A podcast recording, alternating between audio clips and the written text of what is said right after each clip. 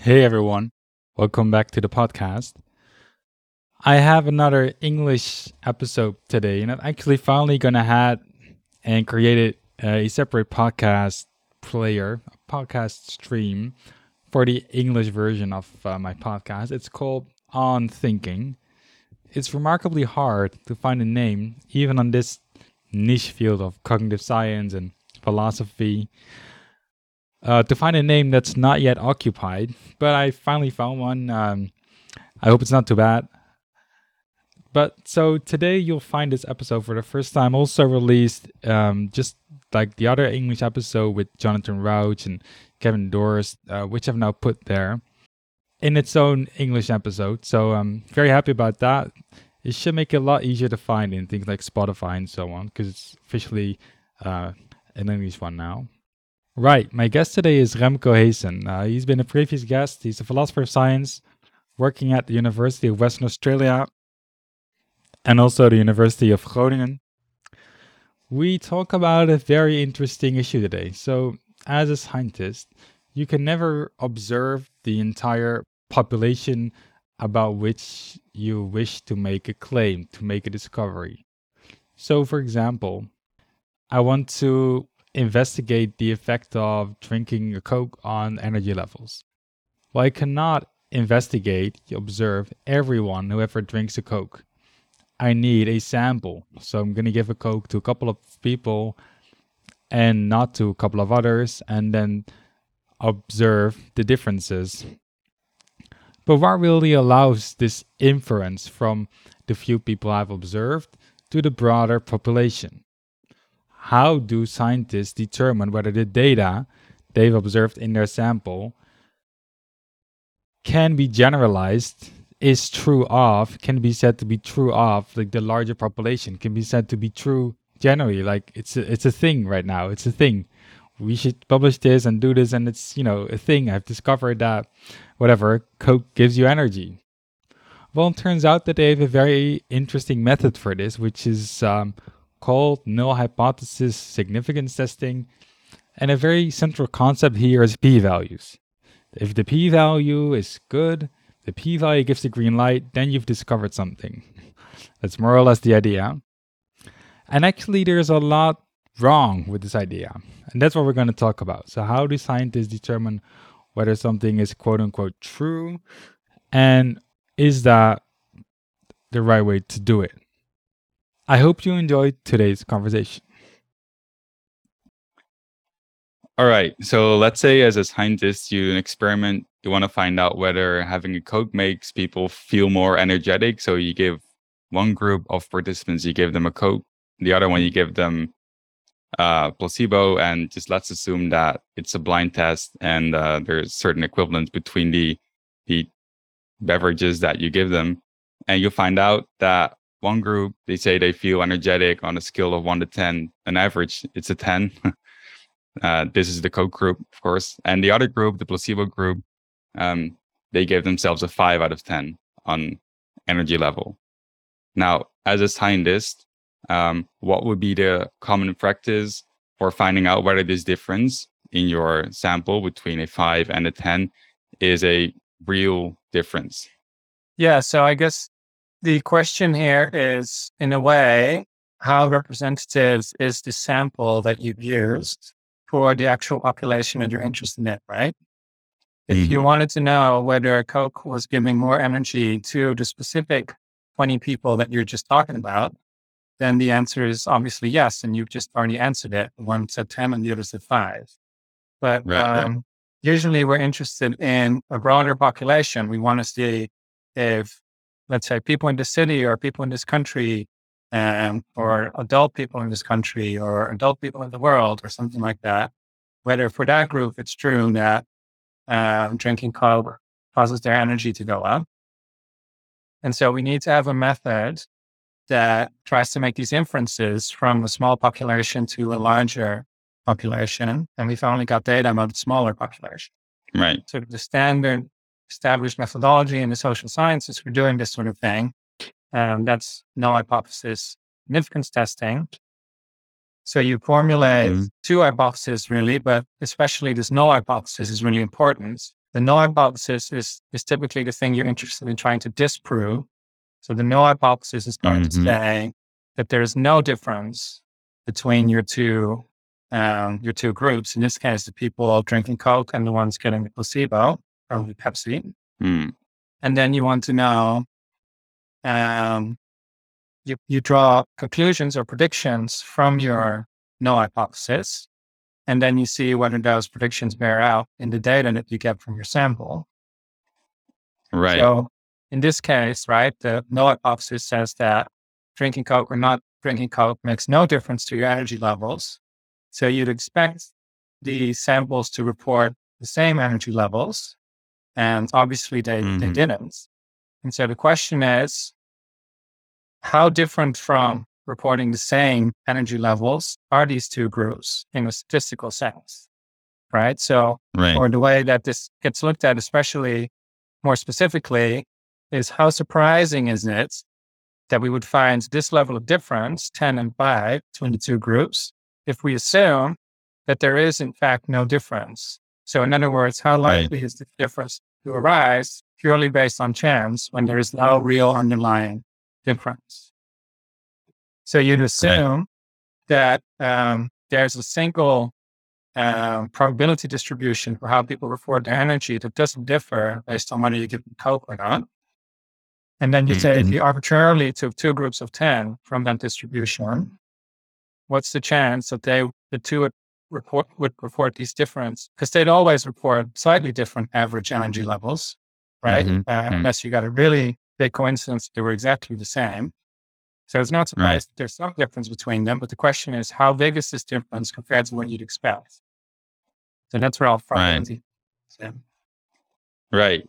Because so you want to know how big is the difference, um, or rather, maybe how big should the difference be for me to, um, such that I can infer that actually the, the Coke versus not Coke was doing something here. yeah, so that we would, um, yeah, the way that this gets cashed out is by saying, how different um, would it have to be for us to find it so surprising, given the assumption of no difference, that this is how the data would come out, that we would conclude that this null hypothesis is um, should be rejected as the terminology goes. Right. So basically, what you're doing is you're formulating an uh, usually an hypothesis of a hypothesis of no difference. So Coke doesn't do anything, um, doesn't cause a difference in energy levels, and then given the the data that you observe, um, this will be extremely surprising, or you know the the chances uh, of getting this result, if in fact there is no difference, will be are so small that we're allowed to reject the the hypothesis that there's no difference. Yeah. Yeah. So, for example, you might think that energy levels in the distribution as a in the population as a whole have some sort of normal distribution, and then the um, a random sample of ten people from that distribution, the average energy level that they report would then also be a normal distribution, and then you Mhm. the second random sample of ten people that would also be a normal distribution, and then Mhm. you can cal- calculate the probability that these would be different levels apart from each other. And um, then you see basically how unlikely the data that you got would be on this assumption of no difference. And then Right. you say, and so the p value is um, the p value is then the probability of a difference as extreme or more extreme as the data you've actually observed. Right. So in this Right. case, a difference of five, right, between the 10 and the five average that was reported. So the p value would be the probability of a difference of five or larger between the two groups, right? Because larger differences are more surprising under the hypothesis, null hypothesis of no difference. Right. So we say, how surprising is this evidence? Well, it's this surprising, the probability that it would be this big of a difference or more. Right. And then in the second step, you're uh, if this result is very surprising in a more precise sense, then you're allowed to reject the hypothesis of no difference. Right, right. So the standard way of doing it is that in principle, you would have established beforehand um, a so-called significance level. So this is the famous alpha. Um, that's going to be used to determine whether your data is statistically significantly different for the two groups. And so if your p value is smaller than alpha, so your data is more surprising than this pre established threshold alpha, which is usually set at 5%, right? Mhm. If you get a get data that would be so surprising under the null hypothesis to happen less than 5% of the time, less than one in 20 times, then you say that you have a statistically significant result, or you say that you have rejected the null hypothesis under your um, testing procedure. Right, right. And one interesting interesting thing that's going on here, I think, is that so in the first step, you're calculating how unlikely a certain observation would be. So the difference of five in our example, if the hypothesis of no difference is true, um, and then based on that estimation of the likelihood of the data, um, you're then going the other way and say some, and then you're saying something about the hypothesis. Yeah, yeah, it's it's an interesting phenomenon, and I think it's I think one of the main sources of confusion about p values and null hypothesis significance testing.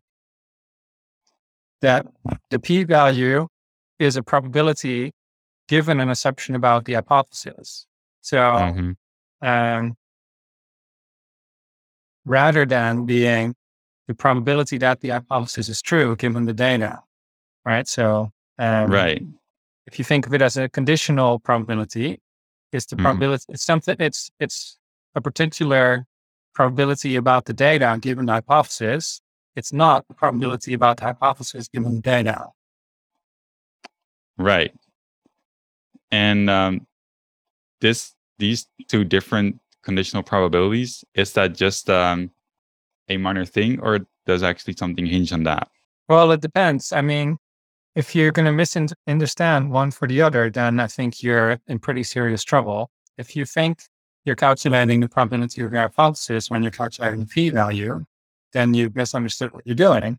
And so you can get really confused about the results, right? If you say the p value was, let's say, 0.03, so, you know, Mhm. below 0.05, so statistically significant, and you say, I found that the null hypothesis is only 3% likely to be true, then you're saying a false thing. Like that's, that just doesn't follow from process you've used. And that's not the sort of thing that the process you're using is intended to say. Um, the, the frequentist statistical paradigm, this uh, null hypothesis significance testing paradigm, hmm one of its basic assumptions is that we're not interested in the probability of a hypothesis either before or after seeing the data, because that would, according to this paradigm, introduce a level of subjectivity that we don't want. Uh, Um, because Why you want to. Yeah. Okay. So if you want to calculate the probability of the hypothesis given the data, right? That's Mhm. what Bayesian statisticians would call a posterior probability, right? So the Mhm. probability, the subjective probability you have for the hypothesis after seeing the data, you can only calculate that by updating your posterior probability from a prior probability, which is the probability you assign to the hypothesis before seeing the data. Right. And that's going to have a subjective element to it, right? Where does this probability come from? Um, right. what is Mhm. the, what is this idea of the probability that this hypothesis is true before you know anything, before you've seen the data? That's a subjective thing, or that's how the Bayesians think about it. And the frequentists say we don't want that. So we want to Mm. work without um, prior or posterior probabilities because they go together. So instead of talking about the posterior probability of the hypothesis given the data, we're going to try to do our whole analysis in terms of the probability of the data given the hypothesis, Right. which doesn't involve any assumptions about how likely you think the hypothesis is a priori. Right. Yeah, I see that. But nevertheless, if your p value is below your significance level, that commonly gets interpreted as that means that my alternative hypothesis, so the the the hypothesis that drinking Coke causes you to feel more energetic, is true or is re- the is true, or that alternatively that the difference that I found in my sample group in my experiment is a like an is an actual difference in the population. Yeah. Yeah. And so maybe on the strictest possible reading, that's also false. Like that's just not what it's saying, right? You're you've only said, I have taken this null hypothesis of no difference, and I found that the data that I've generated is very unlikely under that null hypothesis. So, like, Right. what follows from that? It's a bit unclear. Maybe we shouldn't be working with this hypothesis anymore because it seems that maybe, possibly, this hypothesis isn't a very good description of the kind of data we're actually getting. But no, I Right. say probably because that's the sort of thing we're trying to avoid, right? Um, yeah. so I cannot Uh. say probably this hypothesis is false because then I've said something about evaluating the hypothesis, the probability of the hypothesis, which is the thing that we're not supposed to be doing. Right. Um so I'm trying to get a sense of whether this what you're saying about it being strictly followed and you're not being allowed to say something about probability, whether that's actually gives good reason to think that okay, we shouldn't use p values as a way of determining whether we accept or reject uh, an hypothesis or not. Yeah. No, I think there are, there are two issues here. Uh, one is more practical and one is more philosophical, right? The practical issue is p values are all over the place in scientific reporting. And, you know, if, if given that fact, it would be great if everyone actually understood what a p value was saying. And so, you know, a p value should just not be interpreted as the probability of the null hypothesis given the data. That's just not what it's trying to do. Frequentists and their opponents can all agree that it would be great if everyone just very clear in their understanding of what a p value is. And that's Right. not apparently universally the case, right? mm-hmm, mm-hmm. So that's the practical issue, right? We would all want everyone to be very clear on what a p value does and does not say. It says, Mm-hmm. here's how likely your data is given the null hypothesis. Maybe this is going to give you some reason to dislike that null hypothesis, given that that probability is low. But it cannot say by itself that your null hypothesis is unlikely to be true, because that's not the sort of thing you say in frequentist paradigm. And then the philosophical Alright. issue is, well, should you be avoiding talking about the probability of hypotheses, right? The, the Bayesian alternative would be to say, no, we should really be talking about probabilities of hypotheses. It's actually, even though it brings in this element of subjectivity, it's actually more honest or more informative or more descriptive of what's actually going on. Or, you know, some people think that that would be a reason to introduce that kind of talk. But again, the Bayesians and the frequentists would, would agree that's definitely not what a p value is doing. Right. want- if you were Bayesian, you would want to use something else instead of the p value, like a posterior probability or a Bayes factor. Right. But I I would say that I think most social scientists who you know who work with who work in the paradigm of null hypothesis significance testing, whether or not they would subscribe to frequentism or not, they would my guess is that they would say that okay, so the p-value, even if I accept the let's so I'll, I'll accept that the p-value just tells me um, that this data is very unlikely if the null hypothesis is true.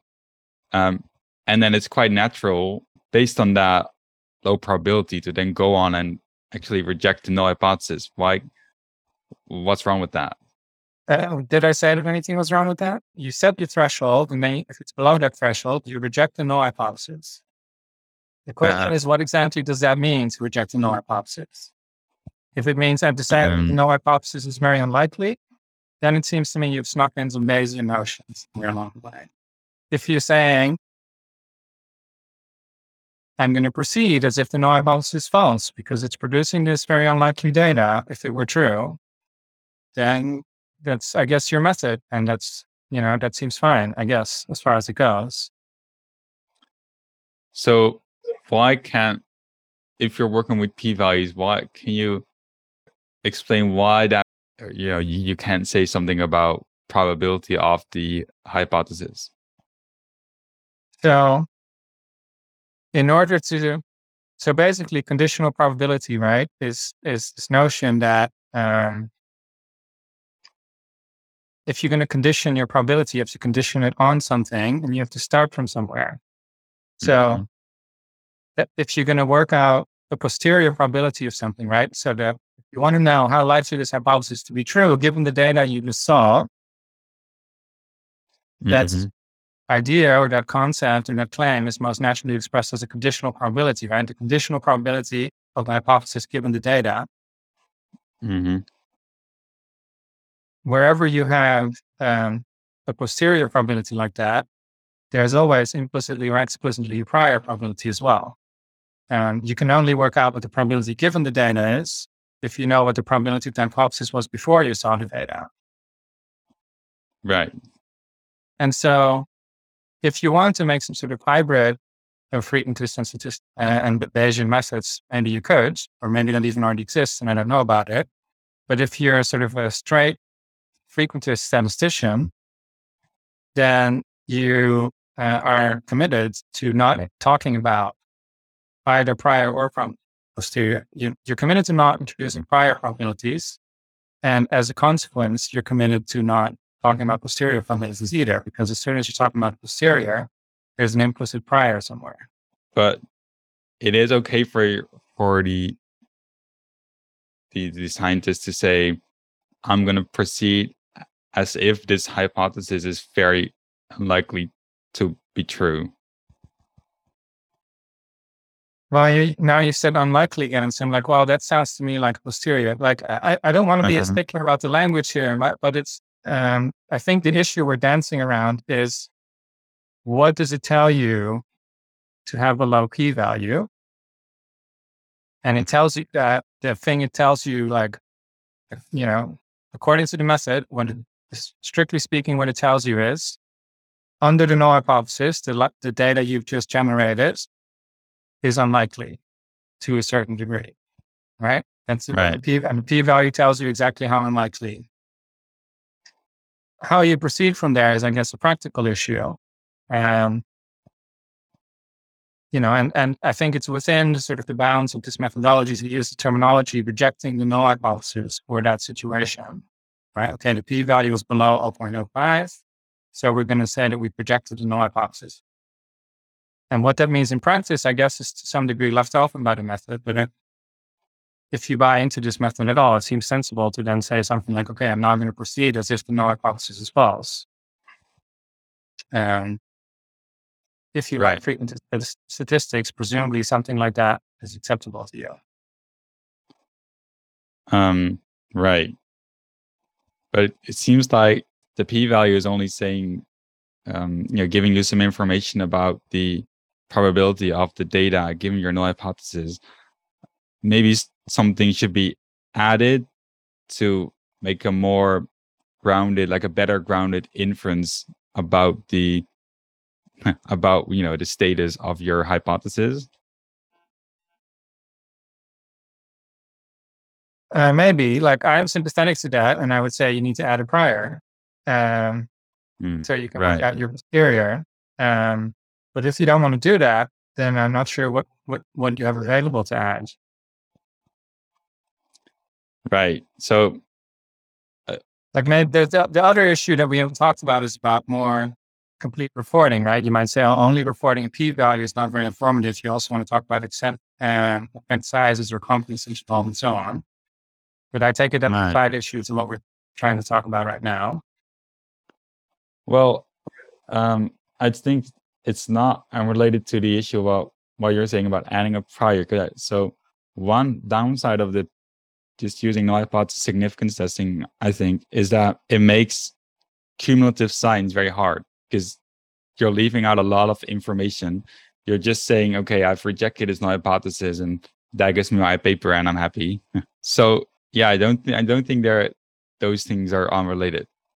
Okay. Yeah, no, so fair enough. But I mean, I think that's an issue that's now rapidly improving at least um, in that like I think it's pretty rare for people to just report a p value now. You know, you would at least mm-hmm. expect to see an effect size as well. And so, in principle, if you know what distributional assumptions were used in the test, and what the sample size was, then you can use the reported effect size to calculate backwards to what the original data looked like, which you could then use in a meta analysis. So you would have, I think, all the information you would need to do the sort of cumulative thing you're talking about. Ideally, what you would want as a scientist, but I think also as a science journalist or someone who reads the newspaper and reads this article about Coke, um, is that you want to have some kind of idea to what extent should I should I believe this study and to what extent should I, you know, change my mind let's say I didn't believe in Coke giving you energy, uh, change my mind based on this study. And a very common idea is that if your p-value is very, very significant, so if your your data, your result was very, very significant, your p-value is very small, uh, that means it was a very strong result, and I should, you know, I'm allowed to up, yeah, I should infer that, okay, I should update my beliefs based on this. But p-values don't really give you that information about believability or soundness of the study. Yeah, I mean, it gives you some, right? If like if this were the only study that had ever been done on the subject, then the p-value is is a measure of how strong the evidence against the null hypothesis was in a certain way, right? It's a particular measure of that gives some indication of strength of evidence that you've collected. But for the sort of, but but it gets problematic as soon as you have multiple studies because, yeah, as you said, you can't straightforwardly combine p values. And as I just said, you'd have to calculate backwards using the effect size and do a meta analysis. So if you wanted, the thing you just said is I want to know how strongly to believe whatever conclusion given all the available evidence, right? That's normally what you'd be interested in, really, not just this one study. Right. And what you what you're interested in is either a meta-analysis or what you would need is something more like a Bayes factor. Right. So a Bayes factor is probably the closest equivalent to the p-value in Bayesian statistics. And it tells you exactly how to update your own beliefs about this conclusion of interest, these hypotheses, given the evidence mm-hmm. that's just been presented to you in the paper, right? So a Bayes factor of 10 basically says that of the two, assuming there's two hypotheses being compared, basically says whatever your beliefs about the thing were, you should now um, uh, change those beliefs by a factor 10, right? So if you thought right. that the two hypotheses were equally likely before, you should now think that the one is 10 times more likely than the other. And if you thought that the other was 10 times more likely, then you should now think they're equally likely and so on. So that is that is actually going to be more straightforwardly leading you to the sort of cumulative thing you were talking about as well, right? So then if the next study mm-hmm. comes out and gives their Bayes factor, you can multiply that by the previous Bayes factor and just keep updating that way. Just to summarize, we ship. it will be great to have to answer the question that maybe real we really want to know. So what should I to what extent and how should I change my mind based on the study result? We need to know the total evidence because Otherwise, it's hard. And for that, we need the Bayes factor. So the Bayes factor but, is a summary of that. But if you add the effect size and the p value or the effect size, no, really the effect size and this and the sample size and the distributional assumptions, then you can you could relatively easily calculate the Bayes factor for yourself or or or you know use your own um, way of mm-hmm. evaluating evidence if you if you don't like Bayesianism um, because then you have essentially all the statistically relevant information from the study and you can do your own calculations about what to believe. Right. But of course, no one's going to do that. Probably not. So, just to close in a little bit um, at the end on this Bayesian alternative for how to report the result of your study. So, you mentioned that one of the objections to that is that it has an, an element of subjectivism because it depends on your prior probability that you have in this hypothesis. But um, what's so bad about that? So why can't why what's so bad about scientists who are experts in their field just saying, okay, we have an idea of the evidence and we think probably probability of this hypothesis being true is 70%. Why is the resistance to that? Well, there, I think there, um, there, there are surely several answers to this question. One is that you think that it's unscientific for personal opinion to enter into the Mm-hmm. conclusions of a scientific study. Um, another answer would be that you think it's undemocratic, right? So, like, many scientific studies are done with public money. We want them to report the results, not their own opinion as the result as a result of the results, right? Like, for example, if you think Mm. about it, um, you might, from a Bayesian perspective, you might say, look, they should still report the Bayes factors, and then anyone can update their own opinion on the basis of these results, rather than just updating what their opinion the end of the study was. And if they have relevant information other than the data they reported that they think other people should also incorporate in their own Mm. beliefs, then they should report that separately or in the same study somehow, rather than amalgamating everything and just reporting a number at the end. Like, here's how likely you should think this Mhm. hypothesis is. And that's black boxing a lot of potentially relevant information that you might think um, there can be reasonable disagreement over. For, if there can be reasonable disagreement on the topic, you Mm. don't want to black box all those things. Those could be some of the reasons. Right. Yeah. Yeah. But so I, but one benefit of, of it, I think, would be that, uh, just thinking out, out loud here, but I think one benefit would be so now what you often get is okay, there's one study that, especially in like these, you know, studies about um, health and what you drink and what you eat and Coke and so on. Right? So one study says drinking Coke um, is bad for you or doesn't give you energy. And then, the, then two months later, another study finds the opposite result. And then people go like, oh, you know, the science is, it's all, uh, it's a lot of bullshit. And, you know, to, to this month they say that, next month they say that, and so on, so on, so on. Um, that kind of, uh, facilitates a kind of cynicism, I think, towards the whole, the whole process. But if you would have these, if you would do a better job of integrating your specific evidence into like the whole field of evidence that's there, then you might potentially avoid this. Yes, and you could imagine that like there'd be far less shock and outrage. It's just like, Mhm. oh, a new study, Bayes factor five, another new study, oh, you know, Bayes factor one half. So actually evidence against the hypothesis previously supported, but then it just accumulates over time. And you know, maybe here again, uh, uh, it's worth emphasizing the difference. I think is so much between Bayesian and frequentist methods um, but just about how we report things and what we focus on, right? If every study that used null hypothesis significance testing also reported a meta-analysis based on all the previous studies on the same Mm, uh, subject Yeah. and did a null hypothesis significance test on all of the evidence that's been gathered so far, if that was your standard practice, then you would also have a sense of accumulating evidence over time. And I don't think this is something that only Bayesians can do or anything like that. Right, right. Okay. Um, so are there any, are there any other misconceptions about the p-value that you think we should clear up?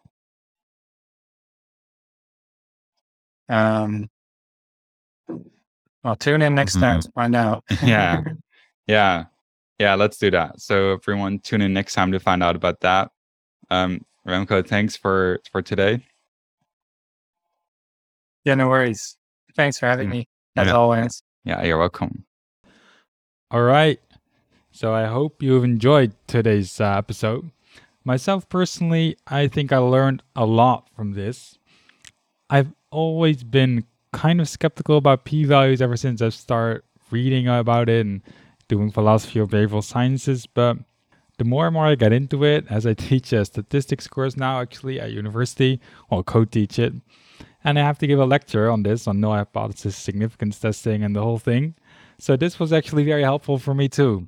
And uh, I really do think that the cum- cumulative science thing is one of the biggest struggles or hurdles with the current system. So it's just so hard even I think for experts in the field. I mean, maybe not for them, but I think also for them though, to really get a sense of okay, what's the total evidence for an hypothesis and what's the evidence against it, and how strong is the evidence if only information you're getting is p-values and whether certain um, you know data was observed to be unlikely given a certain null hypothesis. So this I think is very interesting, and I'm really curious to see how this will develop in the future, and if cumulative science will become more accessible and more more possible, really. So that's my personal interest in this, and um, yeah, I hope you've enjoyed it, and uh, I'll talk you to I'll talk to you in a couple of weeks.